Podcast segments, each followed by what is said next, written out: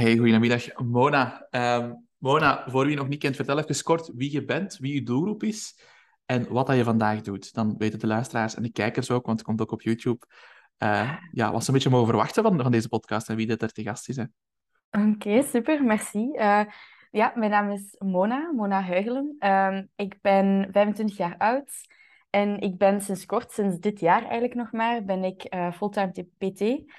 Daarvoor uh, was ik een doctoraat aan het doen in de biomedische richting, maar daar zullen we misschien straks nog wel toe komen.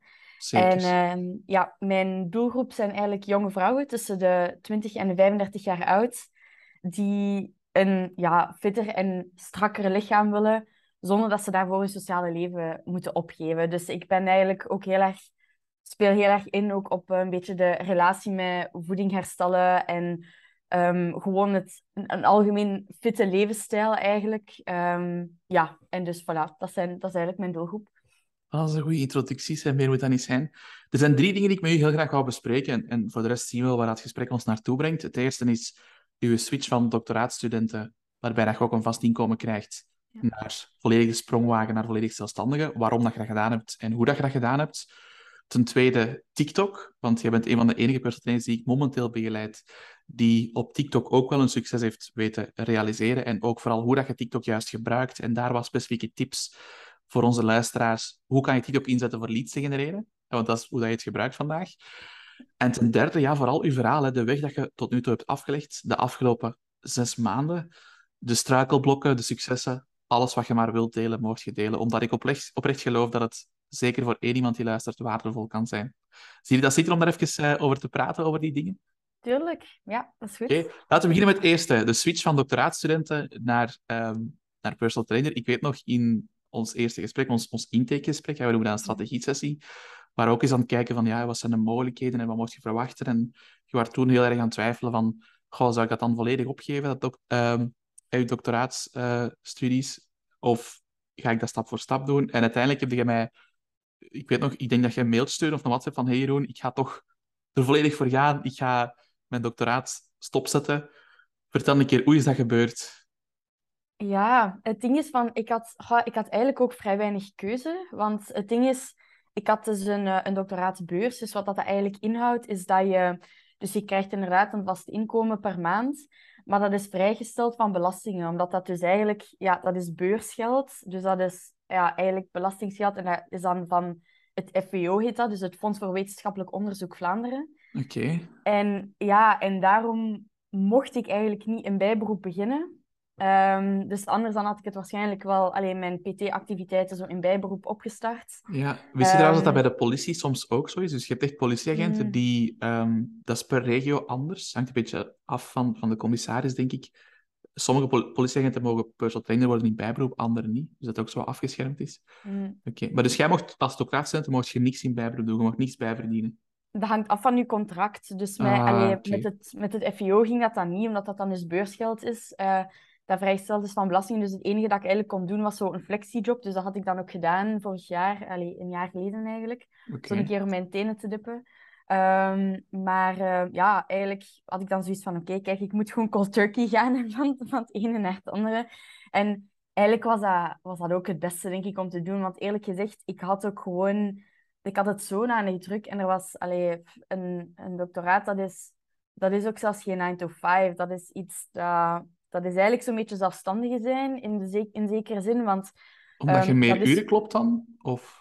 Ja, ja dat, is, dat is eigenlijk ook zo'n beetje je baby of zo, je doctoraat. En dat is dus ook iets waar je eigenlijk ja, toch wel constant mee bezig bent. En er is altijd werk hè? en je kunt altijd meer doen. En ja, dat hangt natuurlijk ook vanaf in welk labo je zit. Maar allee, ik, zat, ik zat wel in een, in een heel ja, prestigieus labo, zeg maar. Allee, eigenlijk wel in, in de, van de meest geciteerde wetenschapper in België zelfs. Um, dus dat was, allee, dat was wel heel hoge werkdruk en er was heel veel van u verwacht.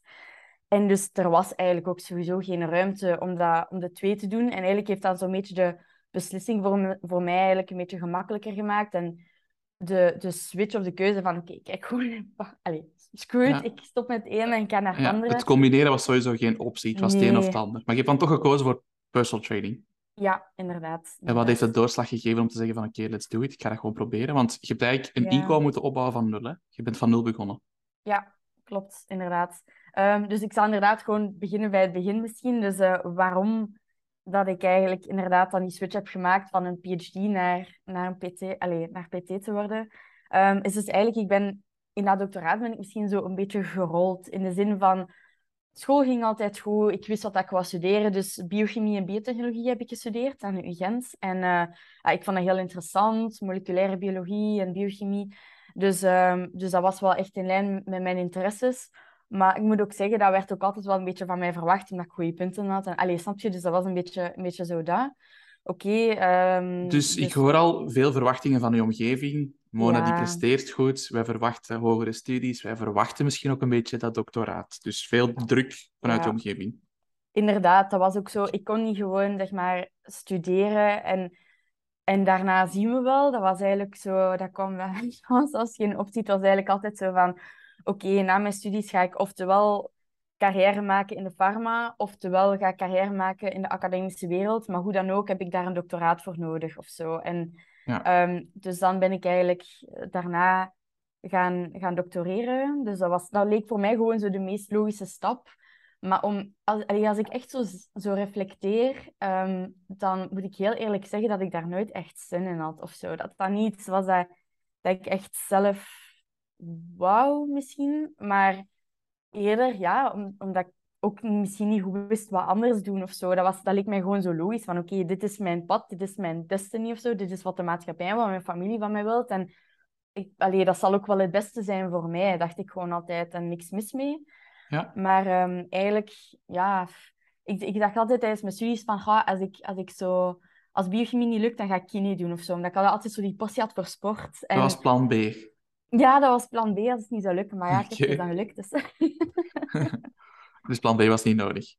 Nee, nee inderdaad. En, um, en daarom, daarom heb ik nooit eigenlijk out of the box gedacht of zo. Um, en, uh, dus ja, ik zeg het, allee, het was altijd zo'n beetje veel prestige en veel sociaal aanzien was altijd wel heel belangrijk. Ook allee, van mijn vader, die ook wel allee, een carrièremens was en, uh, en dat soort dingen. Um, dus ja, ik zat dan uiteindelijk, dus oké, okay, ik ben dan binnengeraakt um, in, zoals ik al zei, in dat prestigieus labo. En um, dan ook die beurs gehaald. Dus dat is, uh, dat, was, dat, was ook, dat is ook wel een uitdaging, want dat is ook wel een hele selectieprocedure. En uh, de eerste keer was het mij niet gelukt, dan de tweede keer wel. En, um, maar ja, ik dacht dan oké, okay, eens dat ik dat allemaal bereikt heb, dan dacht ik van oké, okay, dan, dan ga ik me wel goed voelen. Ik ga daar heel veel voldoening uit krijgen of zo. Maar nou, dat is die volgende stap daar weer. Hè? Once you reach the top, dan is er een nieuwe berg, zoals ze zeggen. Ja. ja, inderdaad. En eigenlijk diep van binnen was ik echt heel ongelukkig. Ik voelde eigenlijk alleen maar stress. En ga, ik vond het inhoudelijk wel interessant, maar ik deed het, deed het echt niet zo graag. Um, ja. Is het dan echt de voldoening dat u misschien tegensloeg? De voldoening ja. gehaald uit uw werk? Ik denk inderdaad dat het... Allee, fundamenteel onderzoek is natuurlijk... ik denk echt fundamenteel onderzoek. Dus echt zo, zo, uh, zo diep graven, zeg maar. Dat is weinig toegepast. Dus het was minder zo echt geneesmiddel ontwikkelen bijvoorbeeld, dat is echt een toepassing. Maar ik was echt zo de allee, basisonderzoek aan toen. Dus, en um, goh, ik, ik was eigenlijk zo'n beetje... Sommige mensen houden daarvan, maar ik voelde mij daar zo niet echt in thuis, denk ik. Omdat ik, ik miste zo heel erg dat, dat toegepaste en zo zien van, oké, waar gaat dit naartoe? Hoe kunnen we dat gebruiken? Um, ik was praktijk, heel... wat gebeurt er met, met werk dat ik doe? Welke impact maakt dat? Dat dingen misschien, misschien een beetje... Ja, inderdaad. Ik vroeg me zo soms af van, oh, wat zit ik hier alle dagen te doen? Zo. en ja, en niks tegen dat, onderzoek. Andere mensen zijn er echt voor geschapen, maar ik zo precies niet. En daarom haalde ik daar heel weinig voldoening uit. En... Gelukkig maar dat we niet allemaal graag hetzelfde doen, hè? want wat zou dat betekenen voor de wereld? Oké. Ja. En, en waar is die sprong naar personal training dan gebeurd? Of, of, of, want je hebt ook een opleiding gedaan bij Physical Coaching Academy tot personal trainer. Um, wanneer heeft dat zich plaatsgevonden in die tijdlijn? Wanneer is dat gebeurd? Ja, ja dus eigenlijk um, wanneer ik echt ben beginnen nadenken van in plaats van wat moet ik allemaal doen, dus van wat wil ik eigenlijk doen, uh, waren eigenlijk twee grote factoren. Eén, COVID. Ik denk dat dat iedereen wel een keer de ruimte heeft gegeven om een keer even stil te staan en te kijken van oké, okay, uh, wat, hoe voel ik me eigenlijk of zo. En ten tweede ook de, de ziekte van mijn papa. Hij had um, een, uh, een, allee, een, een hersentumor, allee, twee eigenlijk. En um, dus dat heeft er ook toe geleid dat ik echt zo heb nagedacht van oké, het is maar beter dat ik hier mijn tijd op aarde gelukkig en zinvol invul, in plaats van iets te doen dat ik niet zo graag doe. En dan ehm, ben ik dus vorig jaar, alleen dus een, een, jaar geleden, uh, dus in de zomer van 2021, heb ik dan zo die flexiejob gedaan uh, als personal trainer. Um, en René, als je aan het luisteren bent, echt bedankt voor die kans, want dat is eigenlijk heel raar dat die iemand de kans heeft gegeven die nog geen opleiding had gedaan als personal trainer. Dus voilà. En dan vond ik het meteen super leuk. En dan dacht ik van oké, ik, ga, ik ga direct een, uh, een, een opleiding doen. Dus dan heb ik in de herfst 2021, dus november, uh, december 2021, heb ik mijn opleiding gedaan bij Physical Coaching Academy. En, um, dus, en eigenlijk dan via Physical Coaching Academy. Uh, dus ik had dan ook gezegd tegen, tegen iemand daarbinnen van ja, dat ik ook interesse had in online PT, omdat ik dus graag heel veel wil reizen. Ja. Um, dat gaat je binnenkort ook doen, maar daar zullen we straks nog toe komen. ja, ja, inderdaad, klopt. Um, en dus, ja, en Alex had me dan gezegd van, ja, uh, zeg, er is uh, vanavond een workshop van Jeroen van Poeier. Je zult hem misschien wel kennen. Ik dacht, ah nee, nog nooit van hem gehoord. Wie is dat? ja, ja, echt nog niet. En even, oké, okay, Instagram. En ik dacht van, ah ja, oké, okay, zijn business is precies van, ja, PT's helpen om, om online PT te worden. En het was een gratis workshop um, vanuit Physical Coaching Academy uit. En ik dacht van, oké, okay, ik kan maar eens horen. En dan dacht ik van, ah, wauw. Want ik dacht van, oké, okay, online PT, hoe werkt dat eigenlijk? Dat is totaal niet efficiënt om mensen personal training te geven via de webcam. Allee, hoe... Je dacht misschien zo echt zo de klassieke, de klassieker van zo Zoom-sessies en dan oefeningetjes doen voor de camera. Maar dat is het dus eigenlijk totaal niet, hè? Nee. nee. Okay. Inderdaad. En dan, en dan eigenlijk hoort dat dat je allemaal te zeggen had. En ik dacht echt van, ah, wauw, oké, super. Maar op dat moment was er nog, waren er nog heel veel dingen aan de gang. Allee, persoonlijk vooral dan, hè, met ja. papa en zo. Um, en ook met, met werk, waardoor dat ik die stap nog niet kan, kon, uh, kon maken. En ook, ik was nog net geopereerd aan mijn knie, bla bla bla. Dus dan heb ik eigenlijk uh, begin januari contact met jou opgenomen. En dan zijn we er eigenlijk direct ingevlogen. Hè? Ja, dan zijn we, er, zijn we redelijk snel begonnen. Ik weet nog, dat was een ja. beetje via Instagram of een reactie op een poll. Ja. Uh, ja. En wat heeft je overtuigd om om met mij contact op te nemen en, en die strategie-sessie aan te gaan? Is er iets waar je kunt herinneren van, ah, wel, dat was het, je hebt dat gezegd of, of dat heb ik gezien? Weet je dat nog? Kun je dat nog mm. plaatsen? Ja, eigenlijk, dus, eh, allee, die, die workshop vond ik heel interessant. En dan ben ik jou gewoon allee, dus beginnen volgen op Instagram. Uh, ik heb jouw podcast beluisterd, every single one of them. Allemaal? Allemaal, ik denk, ik denk allemaal. Misschien, misschien bijna allemaal, maar ik denk toch een heel aantal. en um, ja, omdat er ook wel, daar waren ook wel tips en zo die, die ik op dat moment echt al zo kon, of allee, toch om zo uw idee te vormen. Want het is allemaal heel snel gegaan bij mij. Hè? Ik bedoel, ik was op dat moment nog bezig met mijn doctoraat en ik had geen idee hoe dat En nu zit je zelf de gast op die podcast. Hoe ja, zot. echt zot. Ja, nee, echt super nice eigenlijk. Ja, inderdaad. Um, nee, dus ja, en ik, ik deed dat dan altijd zo tijdens dat ik in de trein zat en zo, dan luister ik daarnaar. En ik, dat gaf mij gewoon heel veel vertrouwen, um, van, dat je weet waarover dat je spreekt. En, en ook, ja, je moet gewoon heel veel waarde, zowel op Instagram als, als ook via jouw podcast. En um, ik, had, ik besefte gewoon ook heel goed, want ik had dus ook career counseling gedaan en, ook, uh, en zo ook vorig jaar, dus in 2021 dus eigenlijk om ze een beetje te bepalen van... Omdat ik ook gewoon... Ik, ik zat eigenlijk echt in een existentiële crisis. En wat is er uitgekomen uh, uit, die, uit die loopbaanbegeleiding? Want nu ben ik wel echt heel benieuwd. Wat was het resultaat daarvan? Ja, wel, um, dat heeft me eigenlijk zo'n beetje de initiële aanzet gegeven om een beetje na te denken van wat wil ik eigenlijk? En ook ja. om een beetje te bepalen van is die droom van personal trainer worden, is dat gewoon eigenlijk een vlucht uit mijn...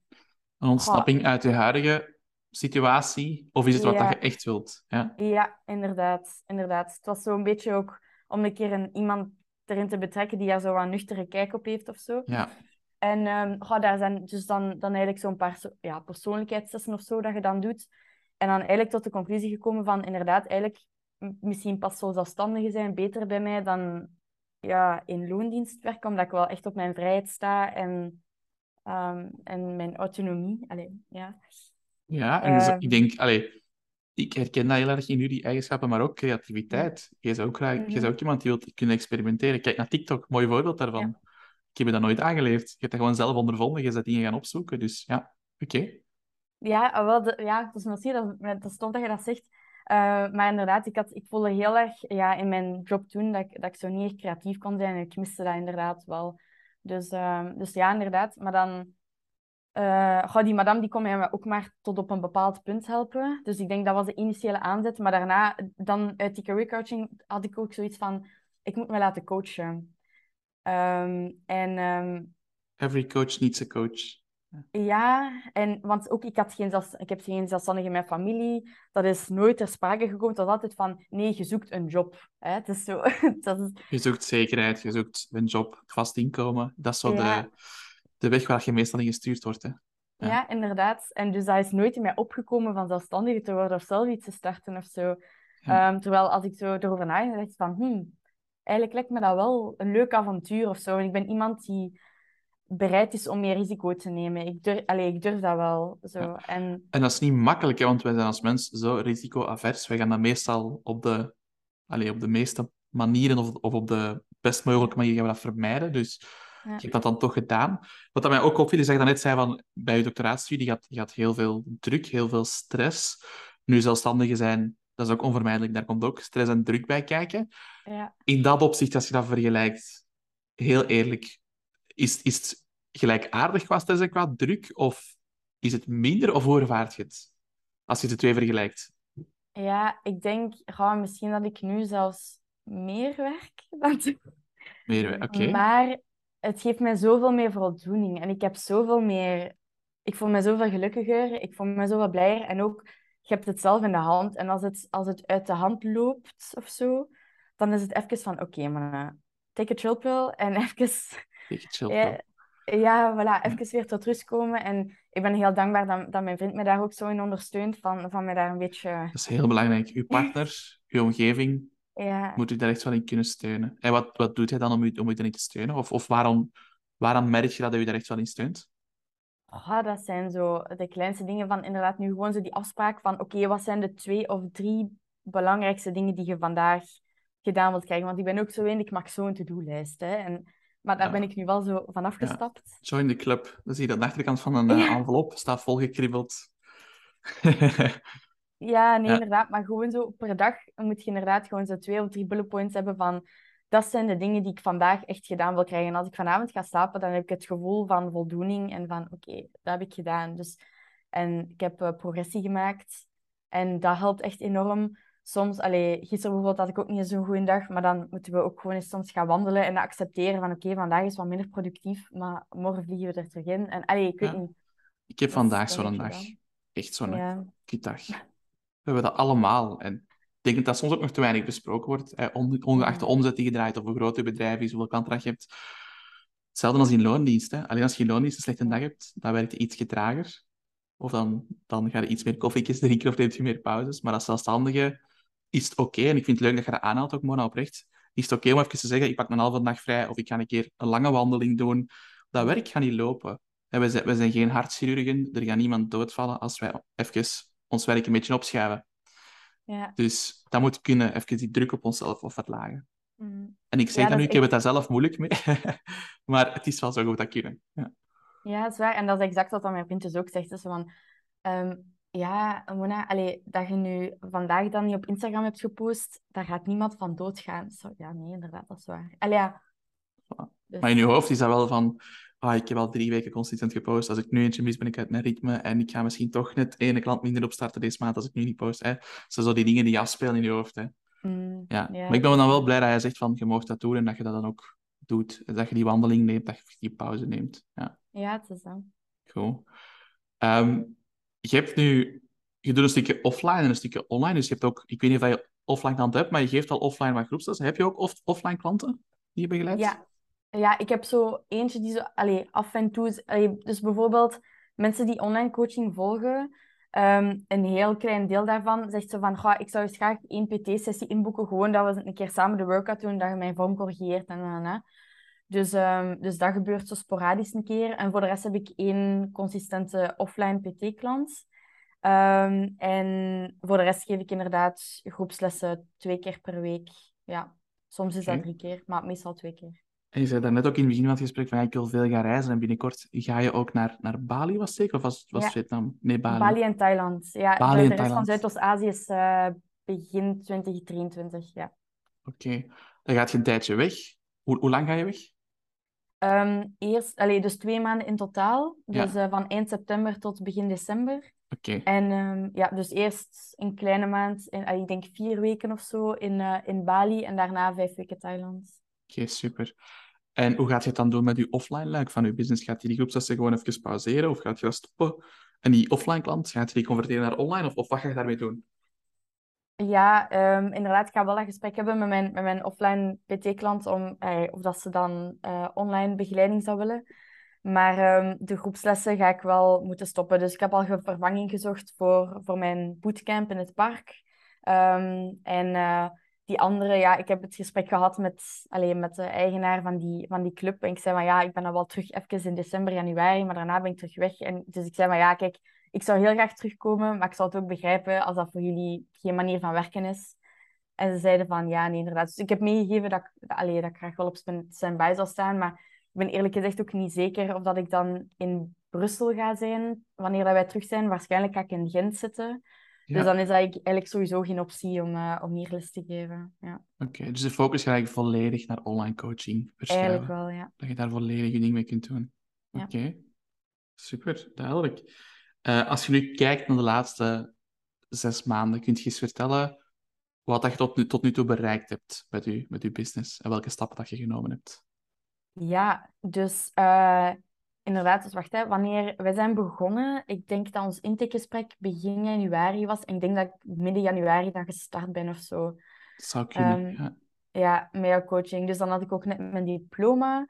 En ehm, ja, dus ik heb, ik ben dan dus begin januari gestart. Dus allee, ook even eh little side note. Dus mijn, ehm, mijn papa is eind, is, is eigenlijk, wacht hè, eh, ja, 21 december gestorven. Dat was toen En, heel recent. Ja. Ja, dat is, dat is inderdaad, eigenlijk een paar dagen later heb ik jou gebeld. Ja. Dus ik ben eigenlijk ook zo'n beetje van het een naar het ander. Ehm, maar dus dan ja, zat ik dus eigenlijk nog, nog thuis op, ehm, op ziekteverlof daarvoor. Allee, de, de maand januari. eh, om toch wel even een beetje daarbij stil te staan. of zo, Tuurlijk, een ja, beetje, ja. ja. Ehm, dus ik zei dan ook van, kijk, ik heb nu wel tijd om echt in die cursus te vliegen van jou. En dus dat heb ik dan ook gedaan. Ik heb me daar volledig op gesmeten. En, en dus heb dan eigenlijk alle stappen... Want ik wist gewoon heel goed, zoals ik al zei, van ik heb een coach nodig die mij helpt in de stappen die ik moet zetten naar niet alleen hoe bouw je een online PT-business op, maar gewoon ook ja, een, een zaak in het algemeen. Dus ehm, voilà. En dan, eh, voilà, dan, dus dan heb ik dat gedaan. En, ehm, en dan eigenlijk in mm, begin maart 2022 heb ik dan mijn case study launch gelanceerd. Want ik ben dan ook eh, nog even op reis gegaan naar eh, Sri Lanka in februari.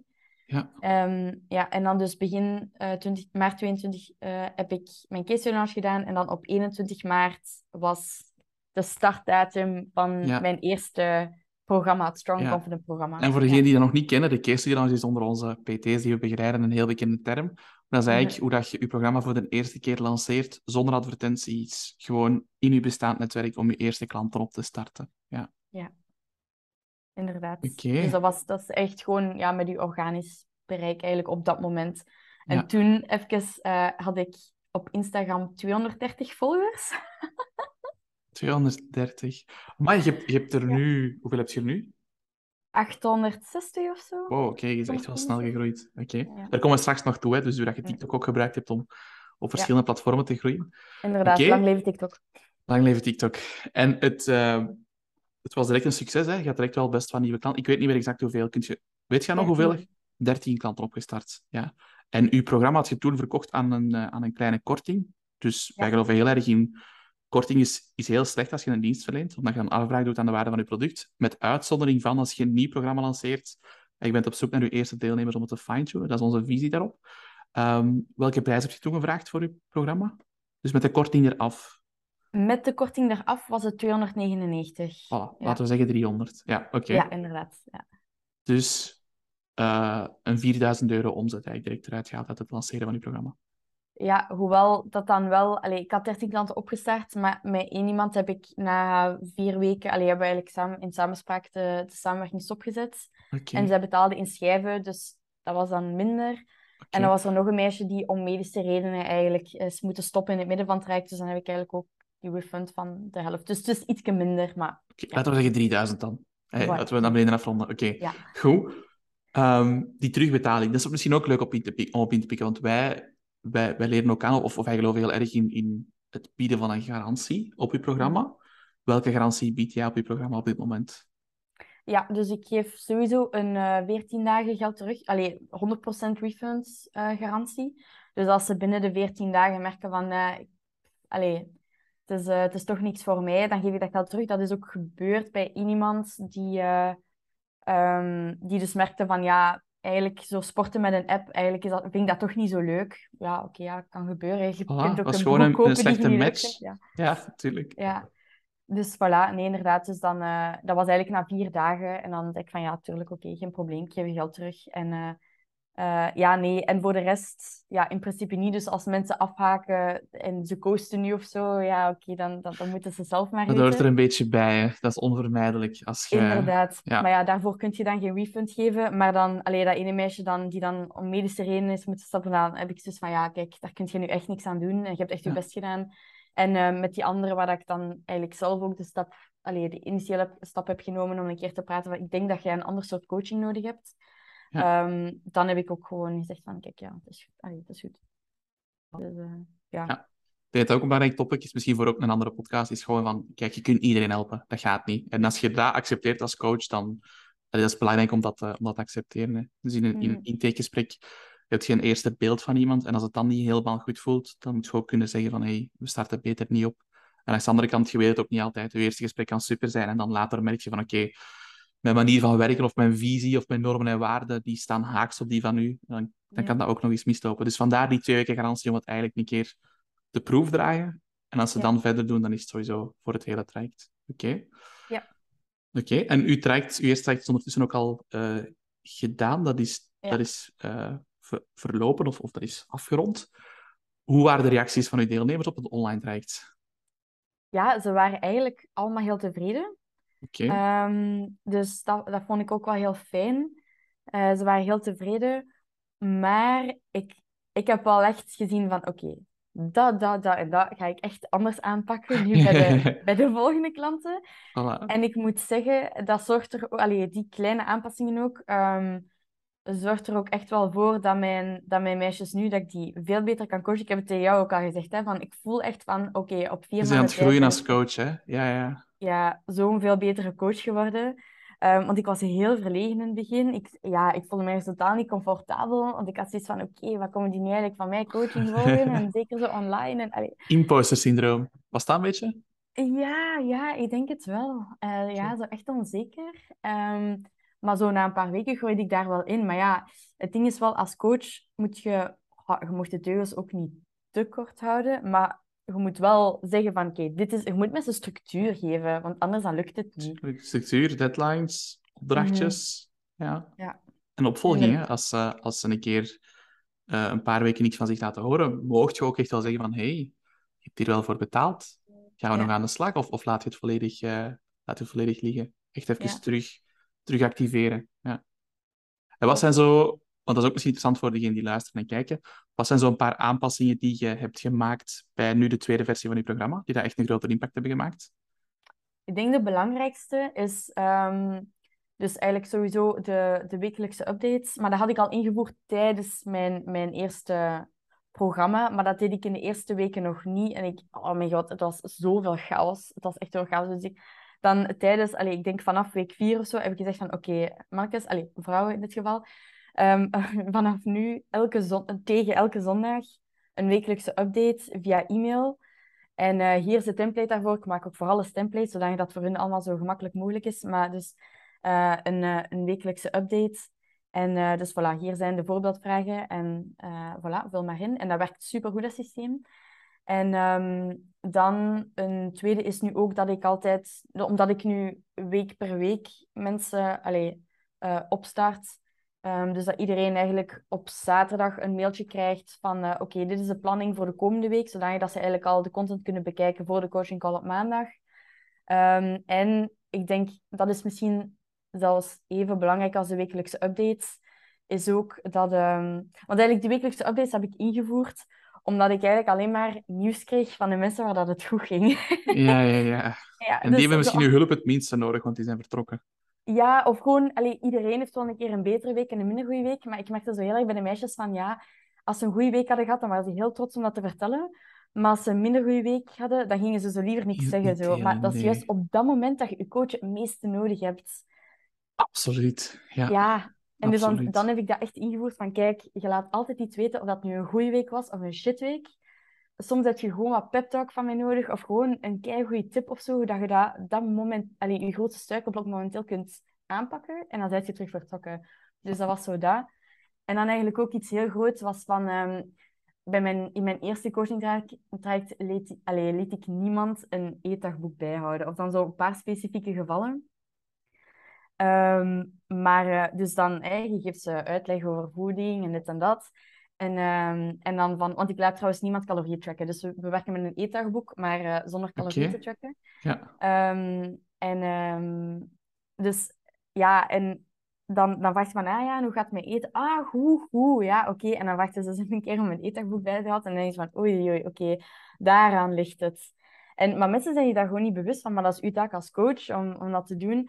Maar ik dacht, ik dacht in het begin van, nee, ik ga, ik ga niemand allee, een, verplichten om een eetdagboek te voeren, want mensen hebben niet graag dat je aan hun eten komt. En nee, natuurlijk, dat is waar, maar dat is juist waarvoor dat ze coaching pakken. Dus vanaf nu, allee, nu is dat eigenlijk vanaf dag één dat iedereen zijn eetdagboek bijhoudt. En dat werkt mega goed. En nu, allee, mijn meisjes nu hebben echt snelle resultaten en zijn kijk, allee, nog veel contenter. Dus nee, eigenlijk mijn, mijn eerste ronde, de, de meisjes waren heel content, maar ik zie nu wel echt het potentieel van wat dat ze nog hadden kunnen bereiken. En dat frustreert me wel een beetje. Maar Dat is zo herkenbaar. En, en dat, is, dat is loslaten. Dat is echt loslaten. Ik Mhm. weet hoe moeilijk dat, dat is, hè, want de meeste coaches zijn people pleasers. En een van de grootste angsten die wij hebben, dat is mensen teleurstellen.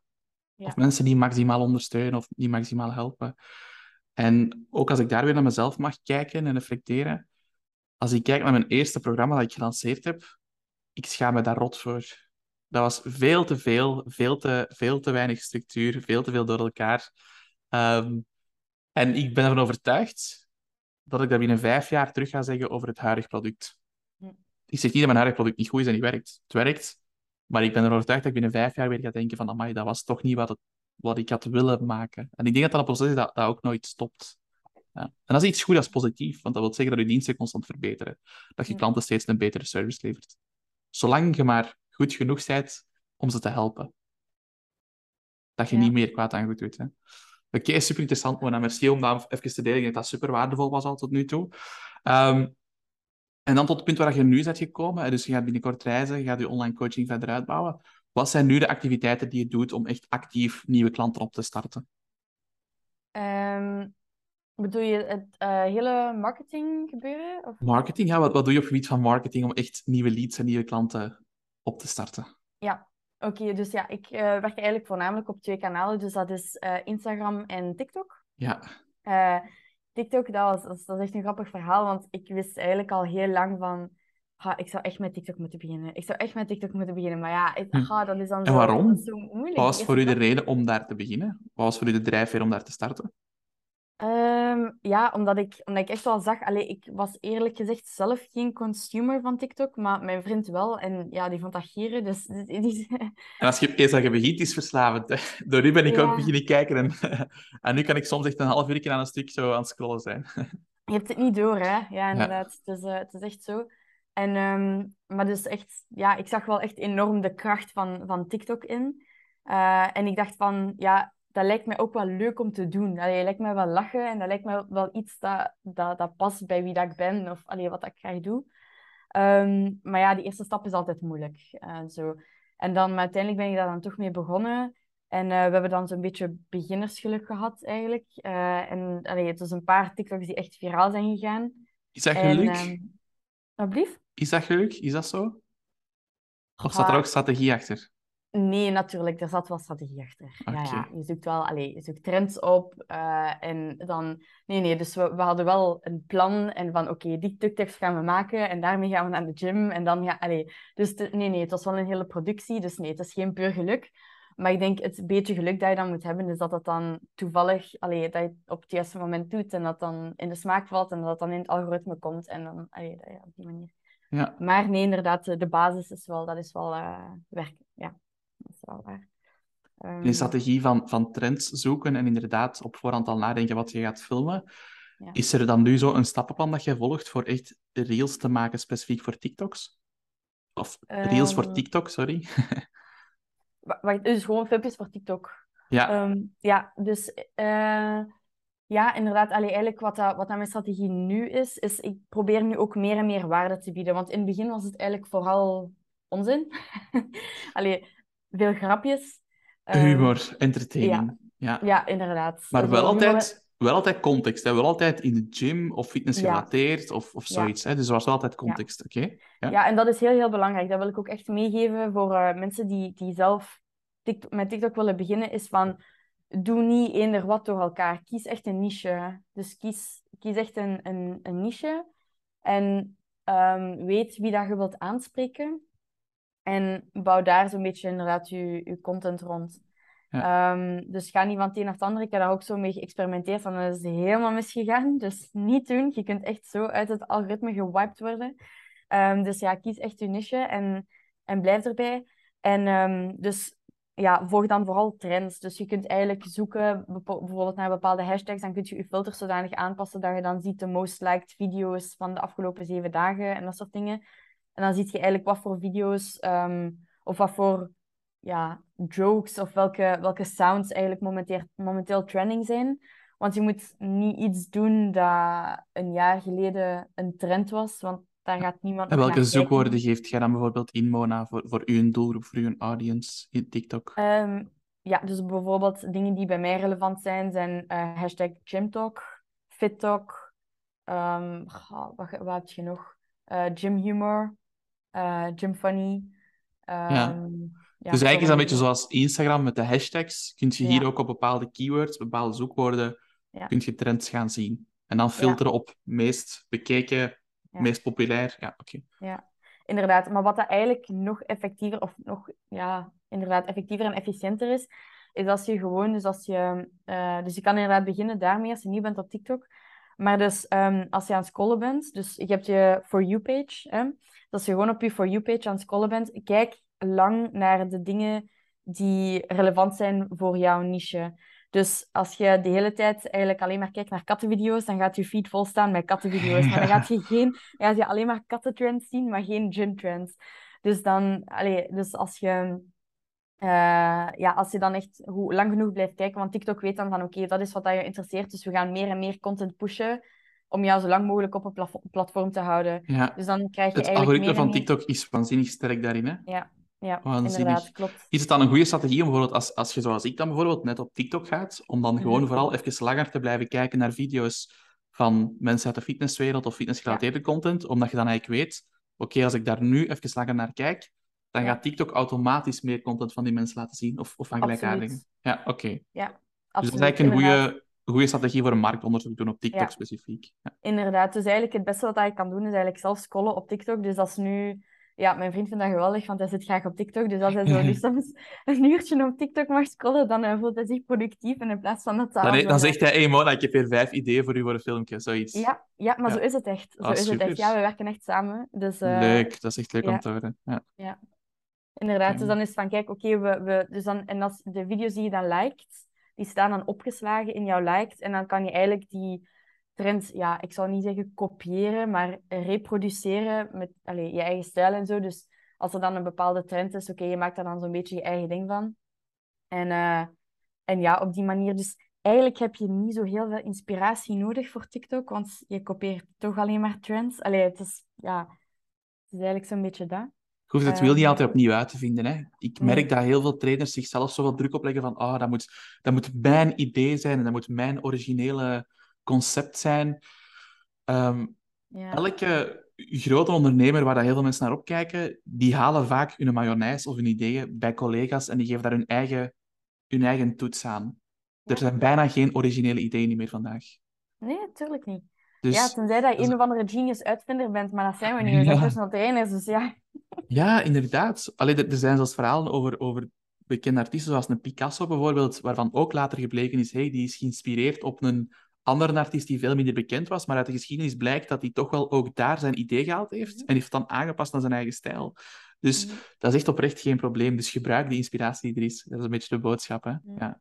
Ja, dat is ook op Instagram zo. Hè. Is van, als je tips geeft over, voor een bepaalde oefening, over voeding, over de- dat, is, dat, zijn, dat, dat is geen nieuwe content. Dat, dat is al honderden, duizenden of miljoenen keren gepost. Maar inderdaad, geef Voilà. daar gewoon je eigen stijl aan. En Voilà. de dingen die jij het Eigen belangrijkste stijl, vindt. ja. En, en wat jij nog Ja. wil toevoegen, wat, wat dat jij ook, vind ik, heel goed doet, is zo dat, dat stukje humor, hè. Dat is bij u wel een belangrijke. Dat is wie dat je zijt. Een grapje, Ja. moet niet te serieus zijn.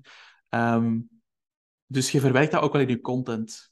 Ja, en ik vind ook, je hebt ook al informatieve posts gedeeld, waar je echt effectief een stukje waarde deelt en nuttig inzicht of, of een stukje kennis. Maar ook daar durf je ook wel eens een mopje te maken of een keer het op een leuke manier te brengen.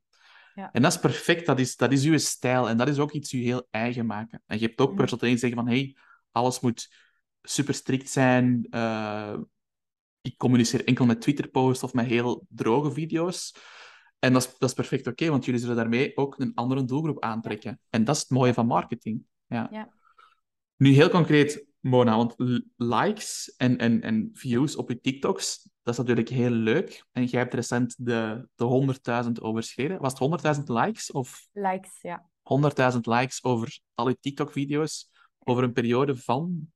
Hoe lang ben je ermee bezig? eind mei begonnen en we zijn nu 10 augustus. Dus, Juni, eh, juli, augustus. Dus laten we zeggen twee maanden en een half of zo om af te ronden. Dat is waanzinnig, hè? Ja, ja, dat is wel... Ik kan je zeggen, ik heb geen 100.000 likes over al mijn content. Dus eh, dat is echt wel heel indrukwekkend. Maar natuurlijk, likes alleen, daarmee betalen we de rekeningen niet. Dus hoe gaat je dat dan eigenlijk monetizen? Hoe, hoe monetize je je TikTok-account? Dus hoe gebruik je je TikTok-account om mensen eigenlijk uit te nodigen voor die volgende stap? Om die te converteren naar leads of naar gesprekken? Hoe doe je dat? Dat lijkt me heel interessant om meer over te, over te weten. Ja, inderdaad. Ja, want inderdaad, je kan, je kan zoveel eh, leuke content posten op, Insta op eh, TikTok als dat je wil. Maar inderdaad, als je geen systeem hebt, dan ga je er ook geen klant uithalen. Dus wat dat ik eigenlijk doe, is, dus ik heb gewoon mijn, mijn content op, eh, op TikTok zoals ik ze maak. Dus eigenlijk Quatsch, Trends en Value. En ehm, dan af en toe doe ik daar een, steek ik daar een call to action in. Dus ik heb sowieso eigenlijk in mijn bio staat er ehm, mijn Linktree link.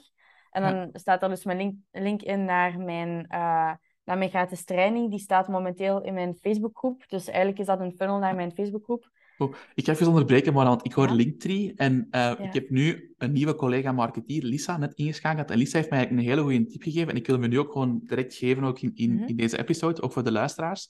Linktree is zeker interessant.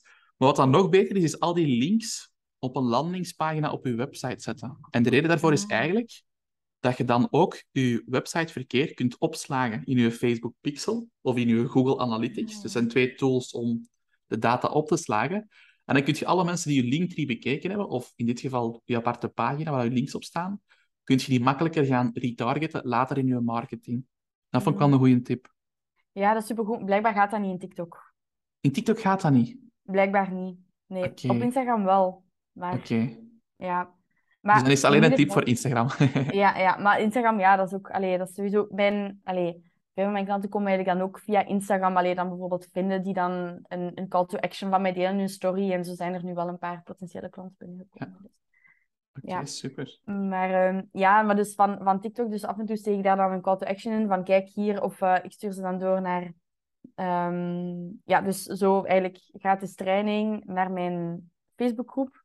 En in mijn Facebookgroep, eh, dus als ze lidmaatschap aanvragen, dan zijn er eigenlijk drie welkomstvragen. Dus één, of dat ze binnen mijn doelgroep passen, dus of dat ze een vrouw zijn tussen de 20 en de 35.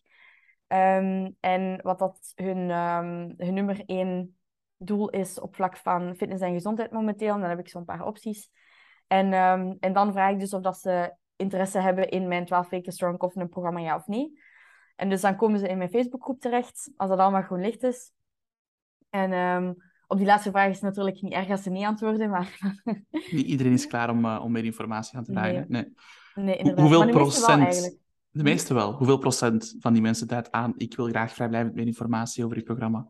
Meer dan 90 procent. Meer dan 90, dat is heel veel. Ja, ja. Oké, ik denk dat dat bij ons misschien 60% is, als ik kijk naar Ah, ja, PT Boost ja. zelf. Ja. Maar ik moet dat wel zeggen, allee, dan is het natuurlijk wel zo. Ze zeiden van, ah ah ja, ik wil heel graag vrijblijvend meer informatie. En dan, oké, ja, dan heb je dat Dat chat, gesprek, bij chat, ja. Eerst dat gesprek, ja, inderdaad. Ehm, maar dan, allee, eh, dus dan, en na dat, dat gesprek, eh, dan eerst een selectieformuliertje. En dan daarna, maar allee, de meeste vallen wel ergens in dat proces af. Want Ja, dat is een filter eigenlijk, hè? ja, En je wilt, op het einde van de filter houd je de goede mensen over die echt klaar zijn om actie te ondernemen. Hè? Die, Ja. drie, die 3%, de hete markt, zoals we zeggen. Ja. ja. Klopt. Dus om even een kleine recap te doen. Op TikTok heb je heel veel bereik. Mhm. Gemonetized staat door eigenlijk in je bio van TikTok een link te zetten naar Linktree. En daar heb je dan verschillende opties. Volg mij op Instagram of word lid van onze Facebookgroep voor een gratis training. Mhm. En als je volgt op Instagram of als je lid wordt van je Facebookgroep, kun je van daaruit eigenlijk, we noemen dat Sell by Chat toepassen, waarbij dat je ze eigenlijk op een leuke manier kan opvolgen, om ze beter te leren kennen. En de bedoeling van Sell by Chat is dan eigenlijk om ze uit te nodigen voor een intakegesprek, als ze er klaar voor zijn. Inderdaad. Ja. Oké. Dat is een beetje de flow die je nu gebruikt. En, en ehm, hoeveel intakegesprekken haalt je daar zo wekelijks uit, gemiddeld gezien? Als je kijkt naar de laatste drie maanden. Ehm, ja, ik moet wel zeggen dat ik in, in juli heb ik het wel bewust een beetje rustiger aangedaan. Ja. Eh, Dat is, die maand kunnen we gerust even terzijde laten dan als je zegt van ik heb daar minder gewerkt. Maar normaal gezien, als je Ja. er echt, als je TikToks post en je volgt iedereen op, hoeveel, hoeveel intakegesprekken haalt je daar dan uit per week? Gemiddeld gezien. eh, drie à vier. Drie à vier. Meestal, meestal staan er vier tot vijf gepland, maar er zijn altijd mensen die niet komen afzeggen, opdagen. ja. Daar hebben we het ook over gehad. Is dat al beter trouwens? Ehm uw showrate, dus het aantal mensen dat effectief naar een intake komt? Het is, het is al beter, nu dat ik ook reminders stuur. Maar eh, ja, het komt wel nog altijd regelmatig voor. Dus toch wel drie op de... eh, nee, twee, twee tot drie op... Dus eigenlijk, eigenlijk wel de helft dat dan zo toch... eh, ja, afzegt. Ja, en heb je al een telefoonnummer toegevoegd aan je selectieformulier en, en belt je ze ook even op Ja. voor je afspraak in te plannen? Ja, ja, ik bel ze altijd eerst op, inderdaad. En toch zijn er mensen die nog altijd afhaken, Ja, die komen Ja. opdagen. Ja. Wat doe je dan, als ze niet komen opdagen? Eh, ja, dan probeer ik een... allee, het hangt ervan af wat dat de reden is. Hè. Dus als het is van, oei, ik ben het vergeten, of oei, eh, ik heb migraine, of oei, weet ik veel wat, dan, ehm, ja, dan probeer ik gewoon een nieuwe afspraak in te plannen. Eh, en ja, bij de ene lukt dat dan wel, en bij de andere niet. De andere ghost je dan gewoon en denk je van, oké, dan denk ik ook dat dat, dat, dat niet echt een, een, een goed iemand is die het waarschijnlijk... Allee, mijn filosofie is gewoon van, allee, ik, nam- ik nam, allee, ergens neemt je dat ook wel een beetje persoonlijk. Ik denk dat dat ook menselijk is, om dat zo een beetje persoonlijk te nemen. Heb ik iets verkeerd gezegd? Heb ik iets verkeerd Ja. gedaan? Waarom komen ze niet opdagen? Ja, inderdaad. Inderdaad. Maar ik denk, wat dat, wat dat meestal de reden daarvoor is, is gewoon dat het eigenlijk niet genoeg prioriteit heeft voor die persoon om daar effectief iets aan te doen. Of het is gewoon niet je ideale klant. Dus Ja. ik denk... ik zo. hoor het bij andere collega's met de gelijkaardige doelgroep als jou. Ehm, ze hebben er allemaal meer last van in de zomer. Dus dat valt mij echt op. Er is echt een piek in mensen die afzeggen. Is dat dan omdat ze laatst minute beslissen van ik ga toch nog een terrasje doen in plaats van dit gesprek? Of door het goede weer eh, iets anders gaan doen van activiteit? Pas op, ik vind het geen excuus, maar het is zoals je zegt, het is echt een kwestie van prioriteiten. Mhm. Ik merk dat vooral, dus het is erger bij studenten dan bij mensen die al werken. Dat is ook Oké. wel iets dat ik merk. En ik denk dat dat ook een beetje, dat heeft iets te maken met rijpheid. En met begrijpen wij eigenlijk dat dat, dat, allee, dat, dat mijn leven, dat dat, dat, dat mijn job is. En eh, Ja, die maturiteit en, ook dat, dat respect Ja. voor je tijd. Hè. Dat is eigenlijk Ja. het kostbaarste dat je kunt geven. Hè. Ik ben ook super dankbaar dat je, dat je tijd maakt voor deze podcast. Jij moet dat niet doen. Je doet dat gratis. Je geeft je tijd. Allee, ik ben daar super dankbaar voor.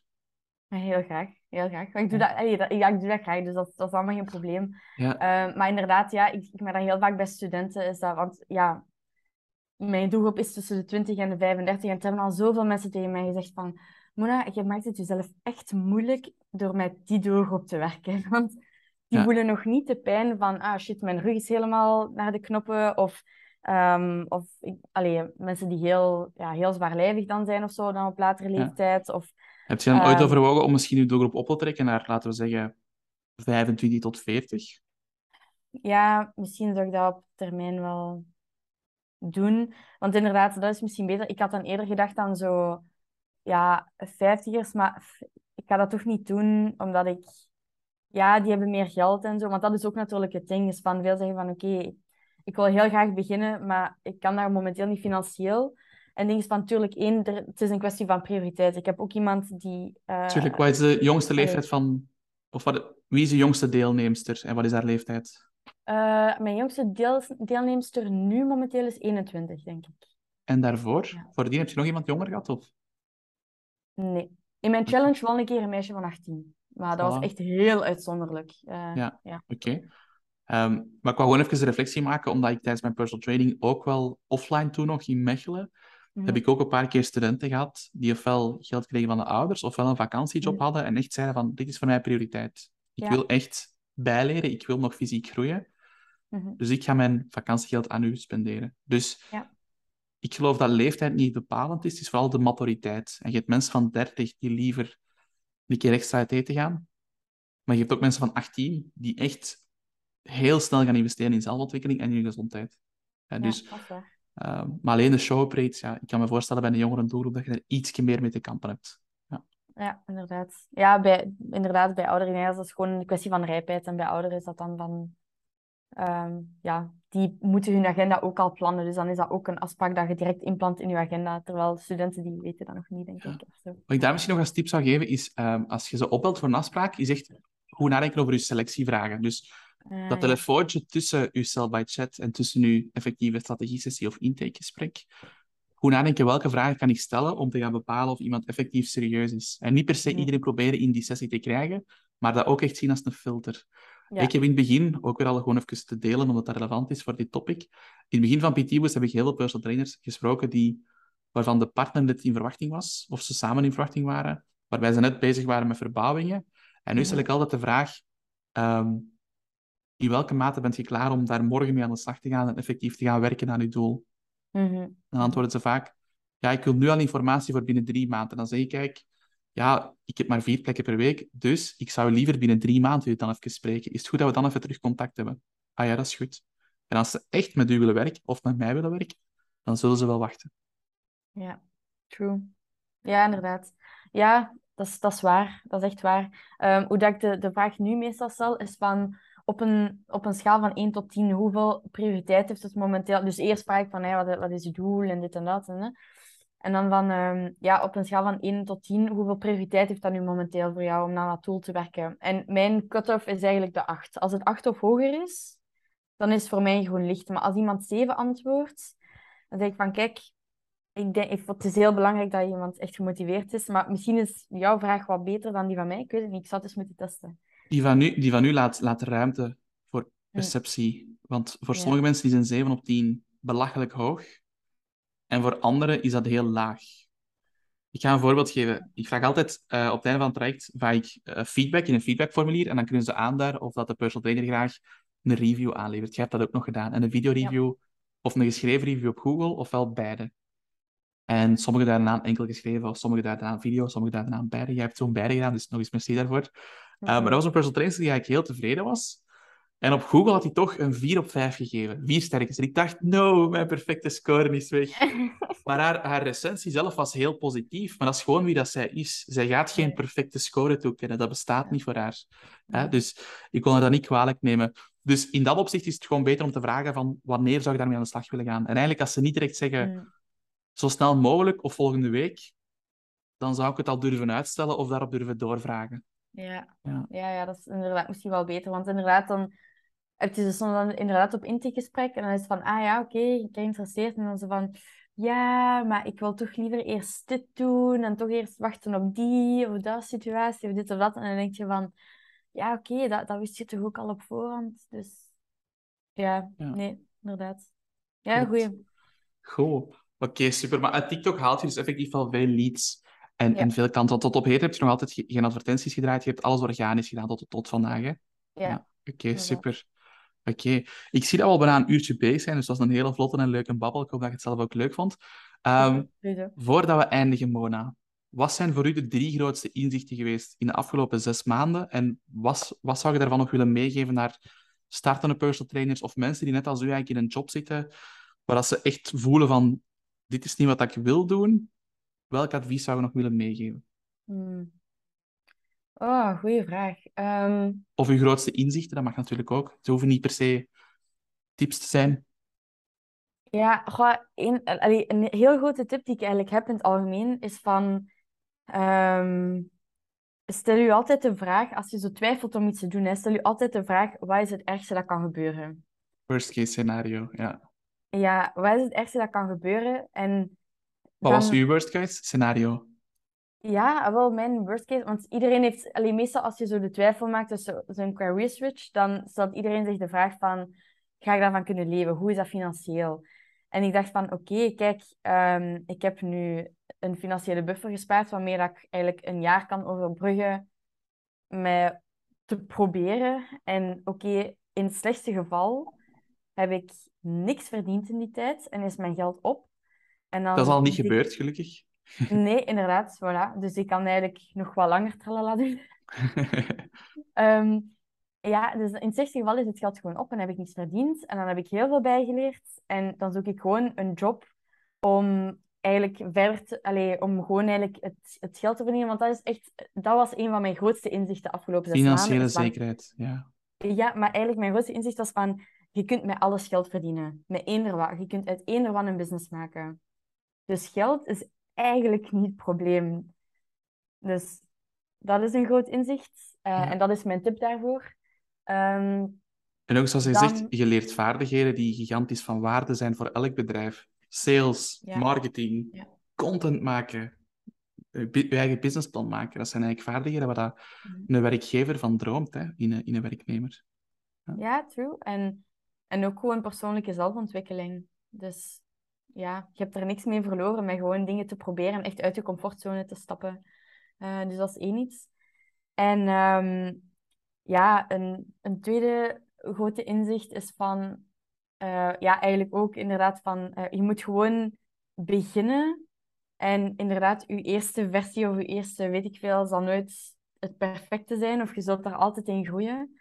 Maar gewoon beginnen en, ehm, en ook laat u, laat u begeleiden in dingen waar dat je zelf niet zo, zo sterk in bent. Dus weet, weet ook waar dat jouw sterktes zijn en waar dat je niet zoveel van kent of waar dat jouw zwaktes zijn.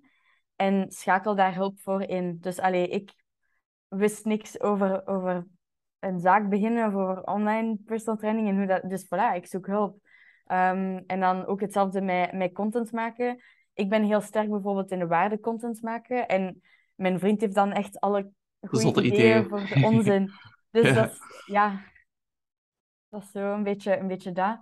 En ehm, dus amplificeer eigenlijk wat dat je goed kunt en zoek hulp voor de dingen die, die je minder goed kunt. En, ah, en een derde inzicht, ja, dat is eigenlijk ook wel echt een grote, is van, daar hebben we het ook al over gehad, eh, is van, ehm, je kunt inderdaad niet iedereen helpen en neem het zeker niet persoonlijk, ook als mensen raar reageren of als weet ik veel. We zijn, we zijn daar zo goed in van als er 99 dingen op een dag goed gegaan zijn en één ding slecht. dan gaan we altijd op, op die ene procent focussen. En echt, dan, dan is dat zo'n zo'n ding. En dan gaat je daar zo mee slapen, terwijl, allee, terwijl dat, je, dat er eigenlijk zoveel meer goed gaat. En dat is zowel bij, bij het content maken, Ja. want ook wees ervoor op voorbereid voor iedereen die met, met TikTok begint. Eh, het is daar veel anoniemer, dus mensen hebben ook veel minder filter voor wat dat ze allemaal commenten Ah. op je, op je video's. Heb je daar veel last van, van negatieve comments of zo? Van die dingen die je zo afbreken of zo? Of... Eh, ga, ga dingen die mensen die, die u afbreken, ah, het valt mij al wel mee, maar inderdaad, zoals ik zeg, van, die komen gewoon veel harder binnen dan, dan de positieve dingen. Dus Ja. inderdaad, de ene, de ene scheldt u uit voor, allee, of de ene noemt, noemt u een man, de andere scheldt u uit voor pannenkoek. Allee, het, is, het is nooit goed. Allee, het, is, eh, het is zo dat.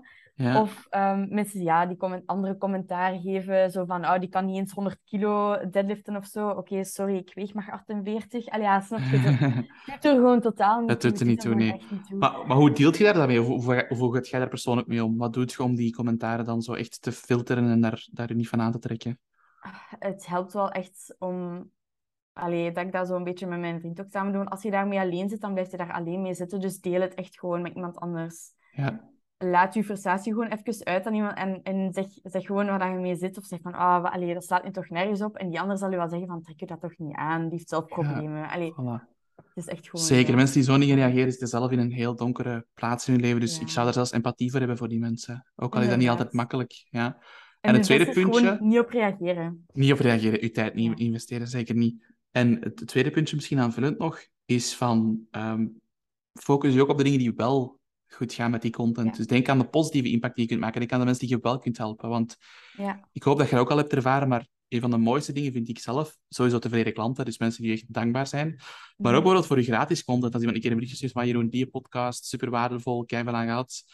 Ehm, ja, dat, daar worden warm van en dan krijg je de energie om nog veel meer content te gaan maken. Ja. Trek je op aan die dingen, zeker en vast. Ja. Inderdaad, en inderdaad, dus dat, dat heb ik ook zo met meisjes die ik dan, alleen wie ik dan stuur of die ik dan, die ik dan bijvoorbeeld opbel allee, in het funnelproces. Ehm, en eh, die zeggen van ja, kijk, oké, ik heb ik kan maar maximum 30 euro per maand vrijmaken voor een coachingprogramma. Dan zeg ik van oké, sorry, dat, dat gaat echt niet lukken.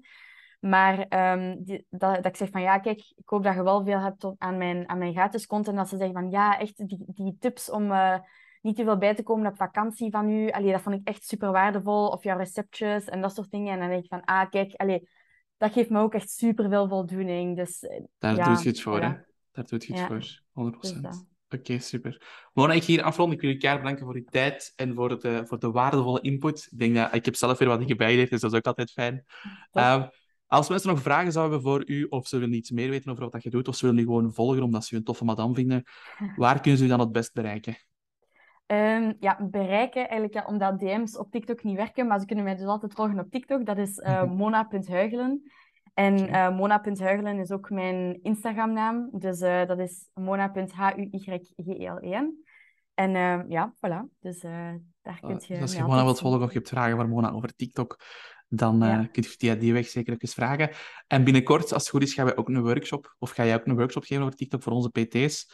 Ehm.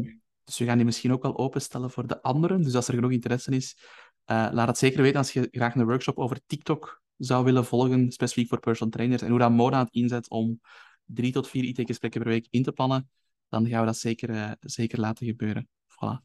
Een dikke, een dikke merci, Mona.